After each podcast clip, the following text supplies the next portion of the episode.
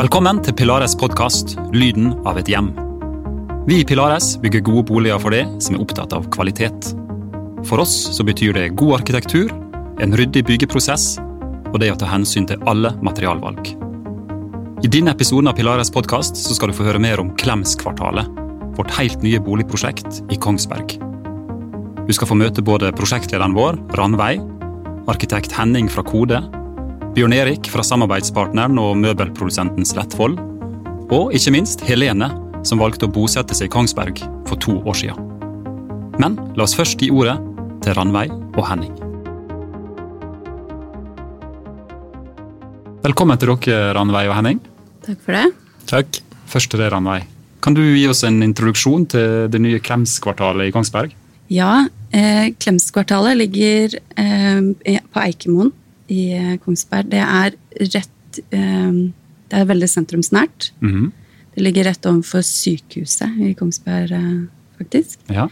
Der, det ligger akkurat i kanten inn mot et eneboligområde. ja. Men da inntil et prosjekt vi har hatt tidligere. og som vi nå da viderefører for å lage et helt kvartal. ja. Hvor mange enheter er det dere har tenkt å bygge? Her blir det eh, 38 leiligheter Ja. i eh, ulike størrelser eh, og ulik utforming. Eh, I tillegg så blir det 16 rekkehus, som, hvor vi også har ulike størrelser. Eh, og dette gjør vi jo for å favne flest mulig, og for å møte markedet best mulig. Ja. For det Kongsberg trenger. Og Kongsberg er et sted folk flytter til nå, har vi skjønt? Ja, det er jo innflytting òg, men det skjer jo veldig mye lokalt. Mhm. Eh, Det er et behov for leiligheter i Kongsberg. Eh, Det er mye eneboliger fra før. Eh, Men vi har også valgt da å ha småhus for å tilpasse oss området, siden det er småhusbebyggelse mm. vi legger oss inn til. Mm. Eh, Og på en måte videreføre den hyggelige småhusgata som det Ulandsgata er, som er en av de gatene vi, vi er inntil. da. Nettopp. Hva er det som kjennetegner Klemskvartalet, da, hvis du skal trekke fram noen eh, høydepunkt? Eh, Klemskvartalet har jo vært, eh, helt fra vi begynte med Code-arkitekter, eh, som da er med oss her i dag, Ja. har vært et fokus på å, å finne fram til det lokale. Eh, lokale måten å legge bygg inntil gater, lage kvartalene. Eh, men også arkitekturen. Eh, lagt inn en god del lokale byggeskikk med, med treverk og, og mur osv. Mm. Det blir jo syv bygg i dette kvartalet. Eh, hvor det da er to leilighetsbygg eh, som ligger på de laveste punktet på tomta. Mm. Eh, og så har vi da rekkehusene som om, lager omkransningen, og et bakgårdshus, som vi kaller det, som er de fire siste rekkehusene. Ja, riktig. Eh, så da får du liksom hele eh, kvartalstrukturen som også er kjennetegnet Kongsberg. Da. Ja, ja, ja. Hvordan vil du med egne ord beskrive byen Kongsberg, da? Det er et veldig flott sted. Eh, du tenker jo eh, elven med en gang. Ja. Eh, jeg har jo, er jo kjent der fra før med Tinus Olsen og kinoen, og, Ja. som nå ikke er kino lenger. Så det er jo Men de har mye å by på, både i sentrum med, med aktiviteter der, men også mye aktiviteter rundt med skisenter og med mye natur og Mm. Eh, fiske og så videre. Ikke sant? Du, Henning. Ja. Du er arkitekten hos Kode og har vært med å tegne det nye Klemskvartalet. Kan du huske hvordan du først ble introdusert for det? Uh, nei, altså vi fikk jo uh, Vi, vi ble spurt av Pilares om vi var interessert i å, å gjøre dette, og det er jo ikke så vanskelig å si, si ja til det.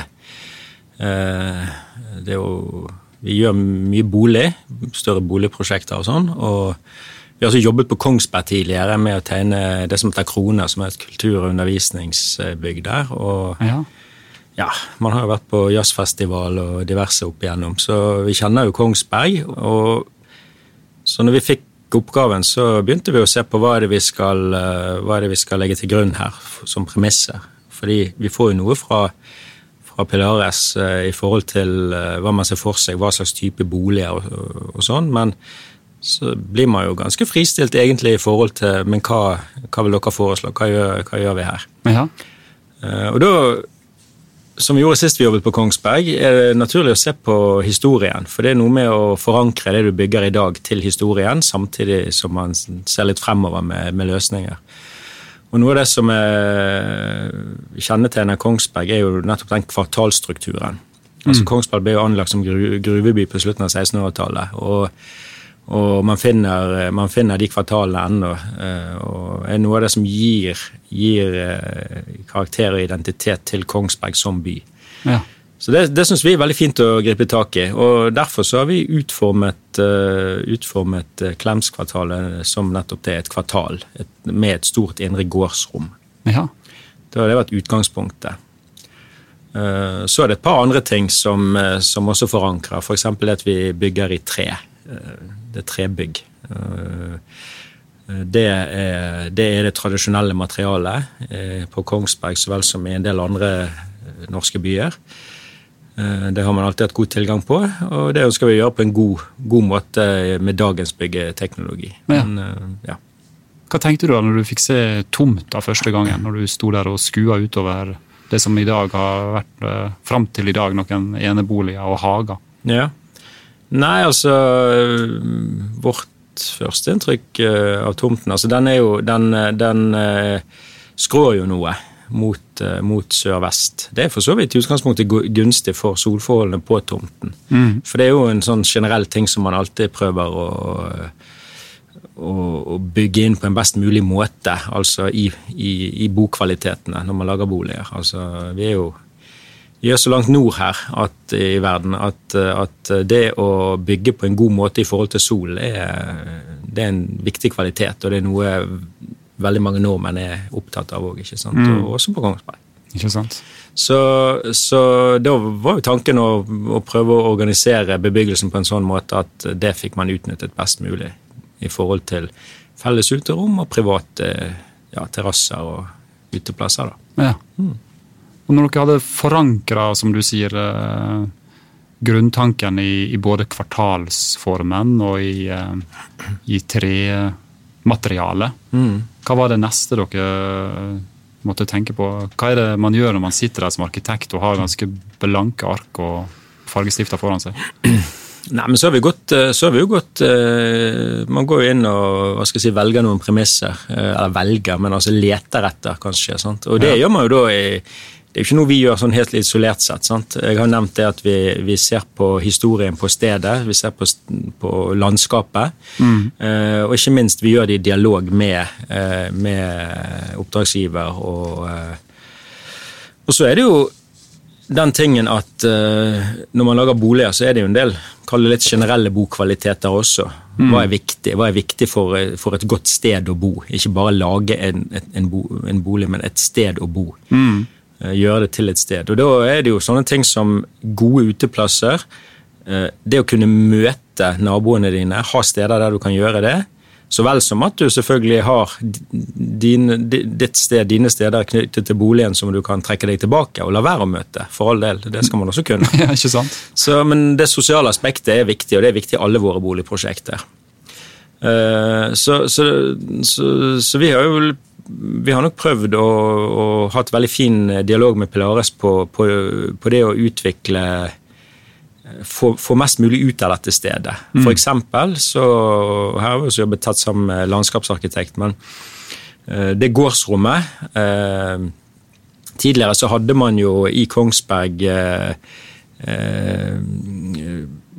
mark der, man, der befolkningen dyrket. Mm. Nærmest sjølberging i dårlige tider.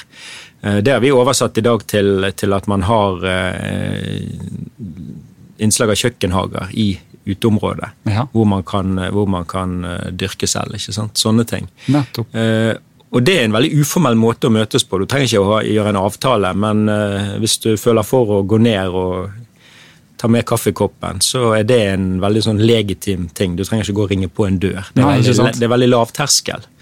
Eh, så det er en sosial dimensjon i det, da, i tillegg til at det å bo i, bo i grønne omgivelser er flott, og det virker jo også bra på psyken og Ja. på mennesker i det hele tatt. Ja, så bra. Dette her kvartalet kommer jo i et godt etablert boligområde med flere tradisjonelle bygg, kan man si, i nærheten. Mm. Og det prøver dere da å, å integrere nå, og hente opp. Ja, eh, for, eh, altså Byggene sine uttrykk, eh, vindusutforminger, alle de tingene du ser, eh, vil jo på mange måter fremstå som ganske moderne. Men eh, vi har med den tradisjonelle også takformen, da, det skal sies, med, med saltak og med, Ja. med takutspring og sånn. Uh, men men uh, måten å bygge på er moderne. Uh, og man vil jo ikke være i tvil om at dette er noe som er et nytt, nytt byggeri, men, men med skala, med kvartal, med, med, med, med farge og med, ikke minst med materialbruk, så, så vil det, tror vi, gli ganske godt inn. Mm. Så bra. For det, for det er viktig å si at det det er ikke Vi som arkitekter kan godt ha ambisjoner og tanker om hva man ønsker, men det som er veldig fint her, er at du har følt at det har vært en veldig sånn sterk samklang med folkene i Pilares når vi har utviklet dette. At, Ja. At vi også har en, en utvikler som har ambisjoner. Ikke sant? Og dere har jo såpass høye ambisjoner i det prosjektet her at dere også har henta inn eh, den stolte sunnmørsbedriften Slettvoll, som skal være med å samarbeide litt på, på møbel- og interiørfronten. Ja, eh, vi ser jo at eh, det er når man kjøper en bolig, så er det jo en reise fra man bestemmer seg til man eh, har skapt sitt eget hjem. Ja. Og det er mange steg man skal igjennom. Det er mye å sette seg inn i. Eh, og Slettvold har jo en kompetanse fra sitt eh, virke, hvor de kjenner veldig godt til eh, hvordan, hvordan ulike personer ønsker det hjemme, i, Ja. forhold til hvilken alder man er, og, og kan hjelpe til veldig godt å sette sitt preg på en ny leilighet. Da. Mm. Så vi syns det er veldig spennende at vi har fått med oss Slettvoll på dette, og, og kan tilby våre kjøpere en, en hjelp til å skape sitt eget drømmehjem. ja, ikke sant? Ja. Vi skal møte Bjørn Erik fra Slettvoll litt seinere i denne podkasten. Mm. Så det blir spennende å høre hva han tenker om eh, akkurat dette samarbeidet her. Men hvem er det du tror Anveig, som kommer til å flytte inn i Klemskvartalet? Hvem er det du ser for deg vil være interessert? Jeg, vi ser jo for oss at dette, dette vil omfange veldig mange. Vi har mange ulike typer leiligheter, mange ulike typer rekkehus. Mm. Sånn at eh, her kan alt fra nyetablerere ja, eh, til eh, småbarnsfamilier, familier med store barn eller eldre velge å flytte inn, tenker Ja. vi. For det, det er såpass variert, det utvalg av leiligheter og, og hus. Og, og det gir, eh, sånn som eh, Henning sier, at det, vi har, det er jo laget som et bomiljø. Um, og det å ha, en, ha ulikheter gjør også at man får ulike mennesker inn, og man får et bedre, Mm. et hyggelig bomiljø, da. Mm. Husker du sånn cirka størrelsen på minste leilighetene kontra største rekkehusene? Å ja, eh, ja, hva er de største rekkehusene? Er de, rundt, er de bortimot 150? Er ikke det rundt der? Rekkehusene er fra 120 til 140 kvadrat. Ja. Tre ulike størrelser. Ja. Eh, og så er det leilighetene er fra i underkant av 60. Mm. Og den største leiligheten er eh, på 100, 140. Nettopp. Men så er det jo da, det er jo en overvekt av treromsleiligheter i prosjektet. Ja. Det er jo litt sånn høyere snitt på kvadratmeteren her enn enn i mange andre prosjekter vi jobber med. og Det ser vi er noe det går an å godtgjøre til enda bedre kvaliteter. Og det er gode, romslige treromsleiligheter, fireromsleiligheter osv., mm. føler vi, da. Ja. For det er jo en kjensgjerning at, at det ofte, man, man blir ofte utfordret på å tegne, tegne relativt små leiligheter. Og det kan man godt gjøre. De kan godt være bra selv om de er små, men, øh, men øh, her er det, her er det en, en, en, en tanke om at det også skal være litt størrelse, og at det er en bevisst valgt kvalitet for disse boligene på Kongsberg.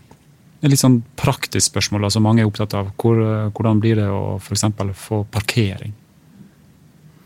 Uh, hvis jeg skal svare på det, så er det så enkelt som at det er bygget en parkeringskjeller på det aller laveste nivået. Ja. Hvor man kjører inn, og der er det én plass per bolig. Ja. Så det er Og det, det, tenker vi er Du kan jo nesten hinke til jernbanestasjonen her hvis du pendler. Ja, ikke sant? For det er kort vei dit. Og eh, jo, og det er jo, det er jo litt sånn viktig, for det er jo en, også en sånn tendens til at en del folk eh, velger å flytte til byene som ligger rundt Oslo, mm. og da pendler en med f.eks. tog. Og, eh, så, så, disse boligene passer jo veldig godt for det òg. Ja. Uh, så tenker vi, og det er jo en, eh, en, ting som vi ikke har snakket så mye om, men det med å, ha, med å tenke bærekraftig helhetlig, så er det å, ha en, det å legge, legge, til rette for én bil, det føler vi er, er, en ganske sånn fornuftig og god politikk på det. Ja. Fordi også når man, når man, bor på Kongsberg, så er det å ha, ha tilgang på bil, det er, det er en god kvalitet. Mm men flere og flere biler blir elektriske, og det, ja. det er liksom så, så, det er noe med hvilket liv kan du se for deg der du er. sant? Mm. Uh, jeg bor selv i et boligområde i Oslo hvor, uh, som, som, heter Lysejordet, som ligger ved Røa. da, Som er bygget på 70-tallet. Og Der er det sånn at der er det òg én parkeringsplass til alle boligene. Uh, til hver bolig. og det det du ser når du har så fine kvaliteter rundt, som du også har på Klemskvartalet Du kan Eh, du, du, du, har I umiddelbar nærhet så har du fine turområder, du kan på ski om vinteren osv. Så, videre. så er det nesten sånn at du kan komme på fredagen, parkere bilen og ikke ta den frem igjen før mandag. Nettopp. Hvis du kanskje trenger den da. sant? Så Det er liksom noen tanker om at uh, når du har gode kvaliteter der og Jeg husker selv når, når jeg var i den fasen at uh, vi hadde små barn, så var det veldig behagelig at du kunne bare åpne døren, de kan bare gå ut og være der. Ja. Man trenger liksom ikke å organisere, dra til en lekeplass. Man trenger ikke gjøre de tingene der. Det, det, jeg, det, det er kanskje noe av det fineste med, med det uterommet. fordi at det gjør at du kan få ned pulsen og få ned den litt uh, kavete rytmen som man av og til har. Og spesielt i den fasen. Altså. Jeg, man, man, glemmer det jo nesten når barna blir litt større, hvordan ja, det var. Men det, uh, det, å legge til rette for, for, å, ha, for å ha et Eh, for å ha gode kvaliteter i nærheten uh, i den fasen der. For det er kanskje for mange den mest krevende fasen. Da skal liksom alt gjøres. Mm. Man, skal, man, man, får barn, man, har, man skal jobbe man skal, altså, det, det, er veldig sånn det, det, det, er et press på det. Dette er jo en stor samfunnsdiskusjon til enhver ja, tid. ikke sant? Det er et veldig godt poeng. Mm. Kongsberg har jo sjøl løfta opp seg sjøl eh, som en sykkelby. Så de har jo også gode tanker rundt det at man eh, skal kunne i hvert fall eh, lokalt i byen ta seg fram veldig lett med sykler. Og, og Kongsberg Gruppen, som er jo en av de største arbeidsgiverne, har jo lagt til rette for at du skal kunne sykle dit og parkere på en veldig enkel måte. Da. Ja da, her er det lagt uh, godt opp til rikelig med sykkelparkering. Ja, så bra. Innarbeidet. Vi skal ta turen til Kongsberg vi nå, og så møte Helene Strøm Bergseth. Hun uh, valgte å flytte til Kongsberg fra Oslo for noen år siden. Nå skal vi høre hva en ekte Kongsberg-entusiast har å si om, om, byen. Du må fortelle om bakgrunnen for at du eh, kom til Kongsberg. Ja, altså det er nå Jeg gikk på eh, BI i Oslo. Jeg bodde i Oslo i tre år mm. og trivdes jo veldig godt der. Eh, og så ble jeg ferdig med bacheloren min, og det siste semesteret eh, når jeg skrev bacheloroppgaven min, så sendte han dekanen vår ut noen sånne sommerjobbstillinger da, som vi kunne søke på, eh, som han hadde blitt tipsa om. Ja. Og da var jo en av de stillingene en sommerjobb her i Kongsberg-gruppa. Eh, og da hadde jeg tidligere hatt internship i DNVGL. ja.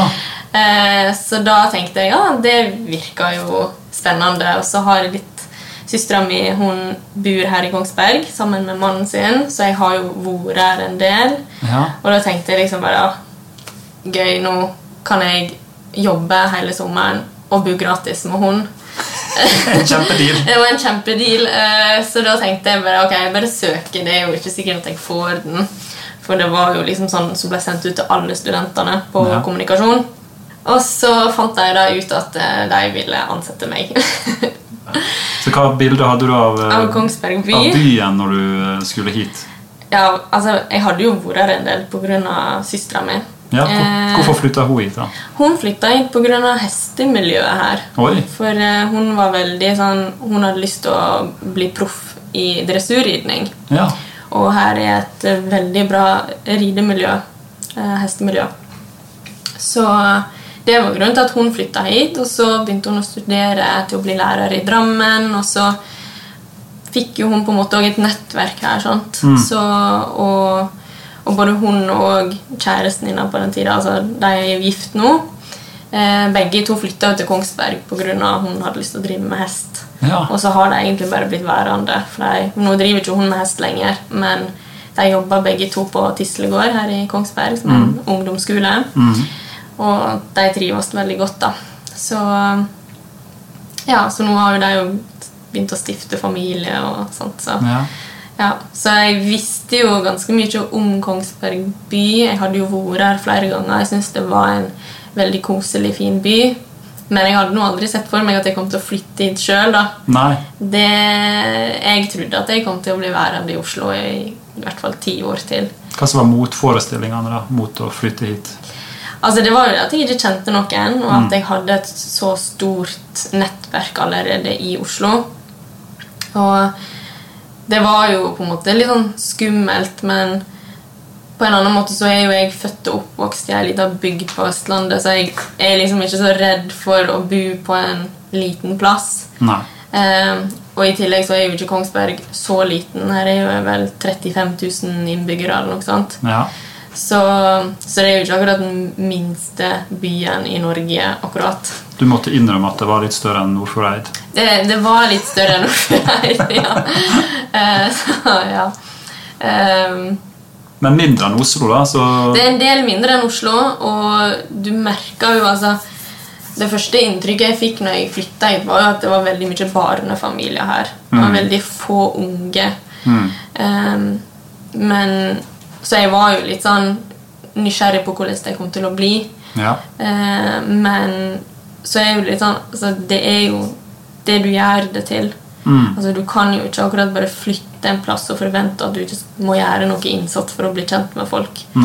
Så, så det som jeg har hvert fall følt har vært veldig viktig for meg, det var å, å finne ut ok, hva tilbud er i denne byen her, sånn av aktiviteter. Hva er det man kan liksom bli med på?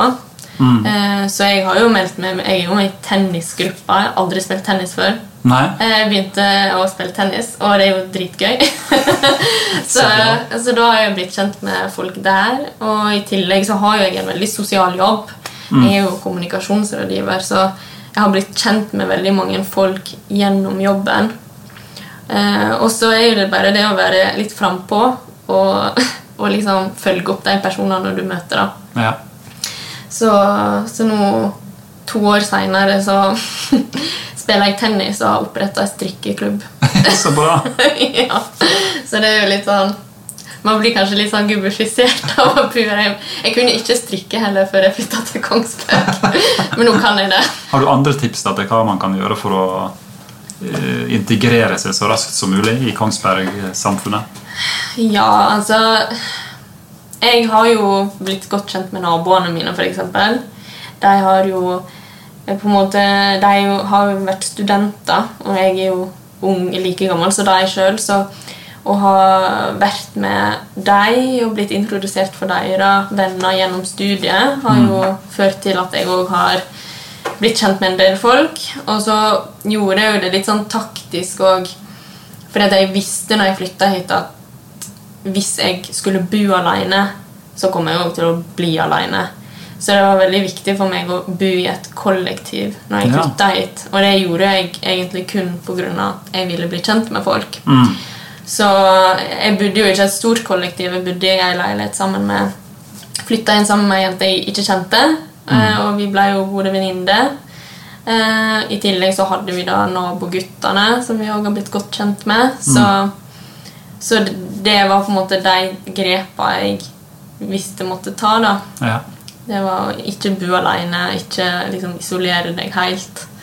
Um, og så er jo det det òg å si ja til de mulighetene som kommer. Mm. Uh, blir du invitert med på noe, så må du ta de mulighetene. Uh, og en annen ting som jeg har gjort, som har vært veldig viktig for liksom, mitt sosiale liv her, det er at sånn annenhver eh, fredag så er jo det sånn eh, pubquiz Ah, nede ja. på Energimølla. Ja. Eh, Så da har jeg liksom vært med på quiz, og da begynte jeg med et quizlag her på jobb. Og så endte det med at du blir jo kjent med folk på quizen, og så begynte man å invitere venner etter hvert. da. Ja. Og så, så det er på en måte sånn jeg har integrert meg inn i byen. Jeg har egentlig fått veldig lite hjelp fra søstera mi og mannen hennes til akkurat den delen. da. Ja. Men så handler det òg om at når du møter folk, og hvis du kommer godt overens med dem Altså jeg var på Hun ene venninna mi her, eh, som, hun var vel min første sånn virkelig gode venninne som jeg fikk her. Eh, vi møttes på en sånn Miners lunsj. Oh, ja. En sånn sponsorlunsj. Eh, og vi endte med å liksom sitte sammen i denne lunsjen og spise. da. Eh, Jeg representerte Kongsberg, og hun eh, representerte sin bedrift. Og så bare fikk vi skikkelig god tone, da. Og så utveksla vi nummer, og så gikk vi på vennedate. så da gikk vi ut og tok eh, noen glass vin etter det. Og det, det er veldig sånn unorsk måte å bli venner på, da, men vi fant ut at det funka bra for oss. ja, så bra. Så vi er jo, vi er fortsatt veldig gode venner. Ja, ja, ja. så det var, og gjennom hun òg så har jeg da møtt enda flere igjen, så ja. man må bare være veldig åpen. Ikke sant? Mm. Hvordan ville du valgt å beskrive Kongsberg, da, nå som du har to års erfaring? Hvis du skulle beskrive det til eh, oss som ikke kjenner byen så godt. Ja. ja, altså det er jo en veldig rolig, altså rolig og stille by. Det er det spesielt hvis du er ung, så er jo der ikke, Det er ikke sånn fantastisk eh, altså det er ikke noe sånn fantastisk uteliv her. Det kan jeg bare si med en gang. Det er mer sånn brun bar-opplegg. Det er veldig mye sånn møtes for en øl eh, ut på baren eller på en kaffebaren eller hvor det skulle være. Og folk her i byen er veldig aktive. Og så er det veldig mye sånn, veldig sånn stort miljø for sport. Mm. Hva med friluftslivet da, og skogen rundt her? Det er veldig bra. Det, her er veld, altså hvis du liker å gå på ski, eller liker å gå turer i fjellet, eller generelt er veldig glad i natur, så er jo så er Kongsberg mye bedre enn Oslo. For det var noe jeg savna veldig når jeg bodde i Oslo. Det var at jeg følte at jeg gikk Hvis du skulle gå på tur ut i øh, skogen, da, så følte du at du gikk i kø. Mm. Eh, og du måtte liksom sitte på ei stappfull T-bane hvis du skulle ut og stå på ski. Mm. Det slipper du her. Her er det liksom fem minutter, og så er du ute i skogen. Eller så er du oppå skianlegget. Og Ja.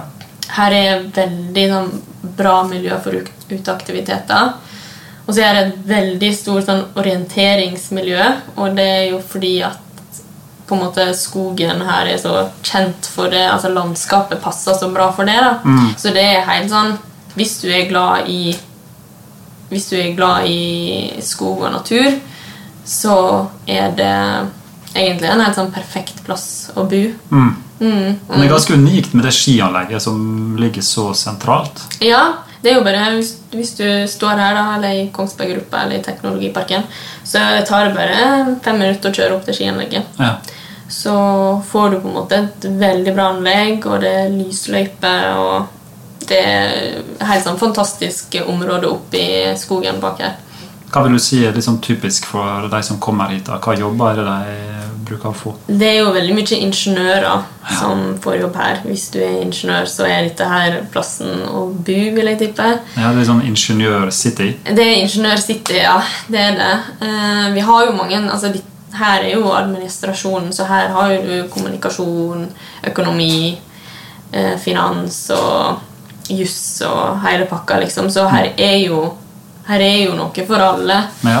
Men det er jo mye større muligheter for ingeniører. Altså, eller mer jobber, da Mm. for ingeniører.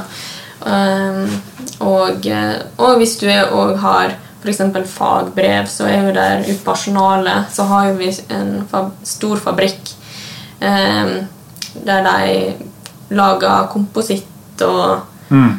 lager ja, deler til produktene våre. Da. Mm. Så her er jo her er jo helt vanvittig sånn, mange arbeidsplasser. Ja. Det er det.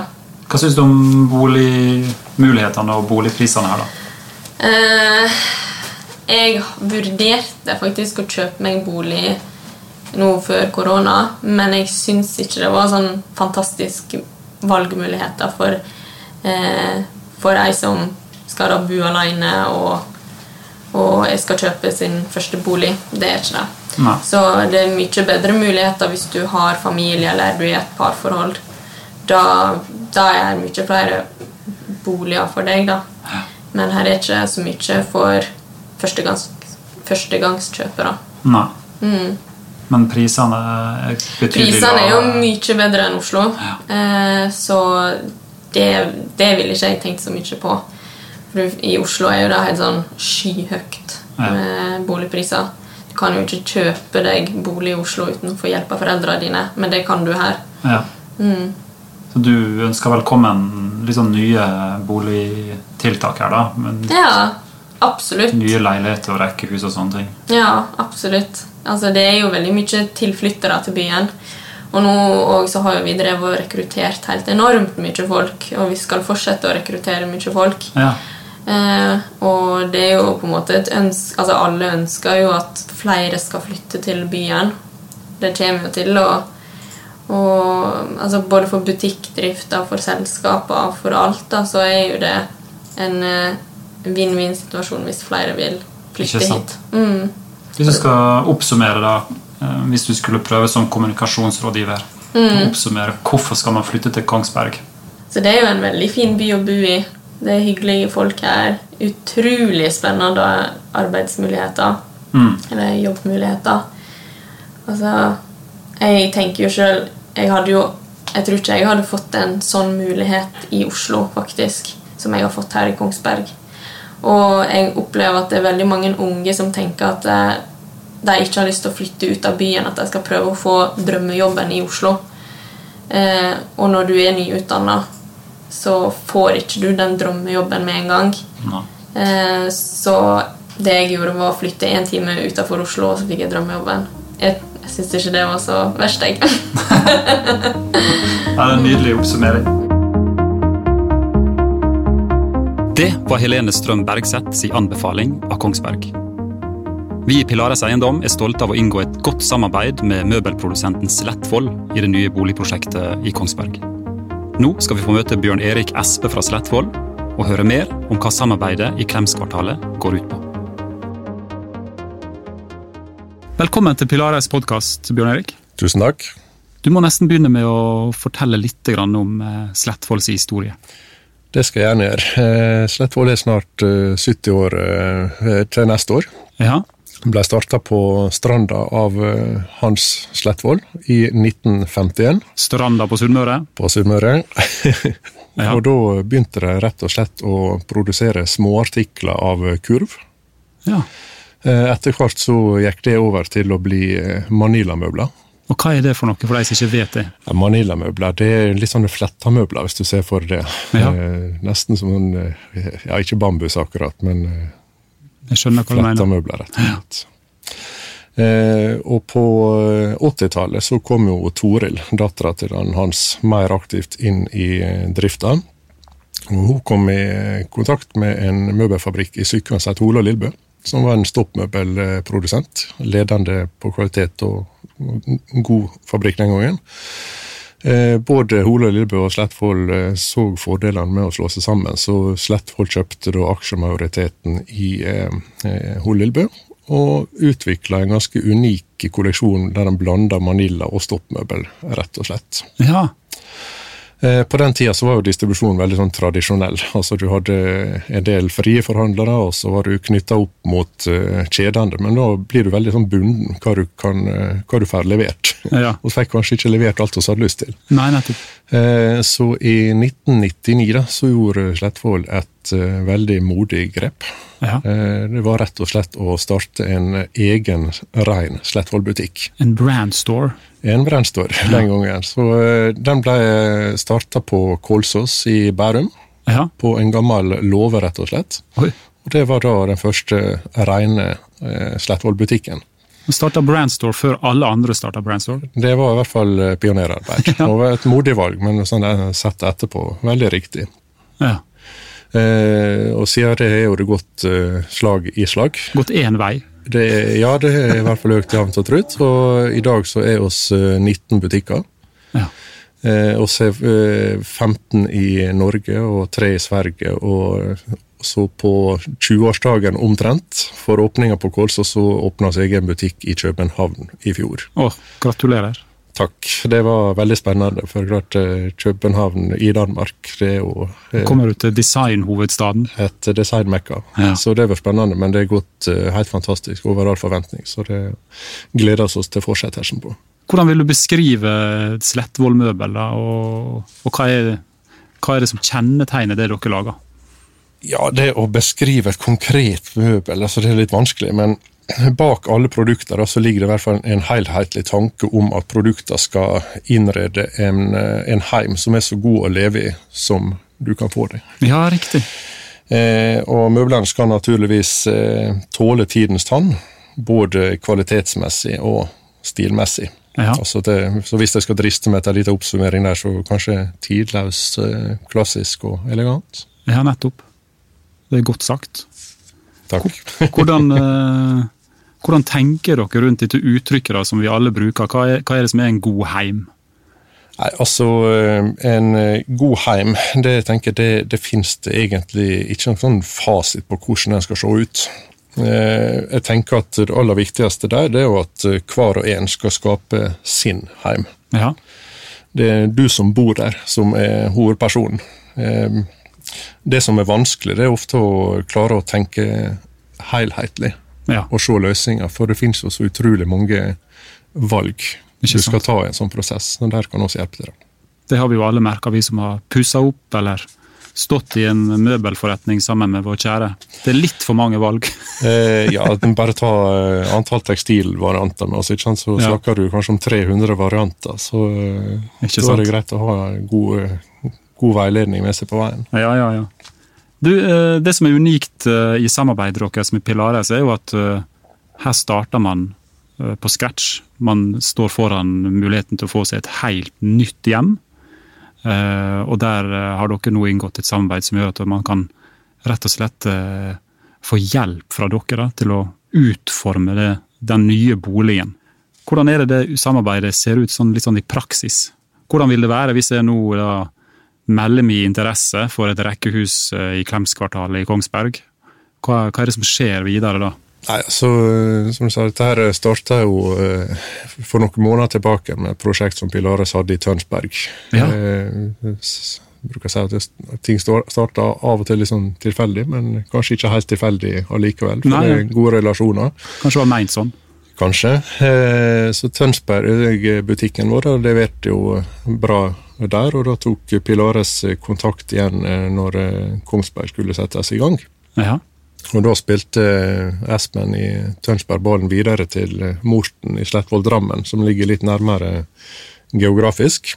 Eh, Så eh, nå er jo Morten og, og gjengen hans i gang med å lage eh, ulike tegninger for eh, Pilares, for hvordan ting kan se ut når det er ferdig møblert. Jeg tenker det er til stor hjelp for potensielle kjøpere å se for seg hvordan ting kan være, for det er ofte vanskelig å sette det sammen sjøl. Eh, klart når oss eh, har hatt den dialogen her, så eh, vil vi oss gjerne at eh, Pilares og Pilares-kundene tar eh, turen til butikken også, sånn at vi kan eventuelt få booka et eksklusivt kundemøte. ja. Og da får han en egen person til å ta seg imot og vise rundt i butikken. Og hvis han kommer til det steget at han etter hvert kjøper bolig hos Pilares, da, så har vi sagt at oss tilbyr noe som vi kaller møbleringshjelpen. Altså en innredningstjeneste med egen innredningskonsulent. Ja. Så tilbyr oss et par timer gratis konsulentbistand der til, til kjøperne Ja. av leilighet eller rekkehus eller hus. Ja. Og dere har jo produkter til de fleste rom, har jeg skjønt? Ja, eh, det er oss. eh, oss eh, er jo kjent for sofa og stuebiten, men oss er så mye mer enn det. Altså, det er både sofa og sofabord, spisestue, spisestoler. Det er til og med madrasser og sengetøy. Hos er gardiner og teppe, og det er belysning og interiørartikler. Ja. Og i tillegg så er vi en ganske stor kolleksjon på utendørsmøbler. ja. Og det har dere blitt mer og mer kjent for. Ja. Ikke minst i Norgesferien 2020. Eh, Veldig, og så er solgt bra med hagemøbler i år. og klart eh, Folk reiste ikke, og da brukte veldig mye folk eh, ja, midler på å investere for å gjøre det trivelig hjemme. og Det er helt naturlig i sånne tider som oss Ja. har nå.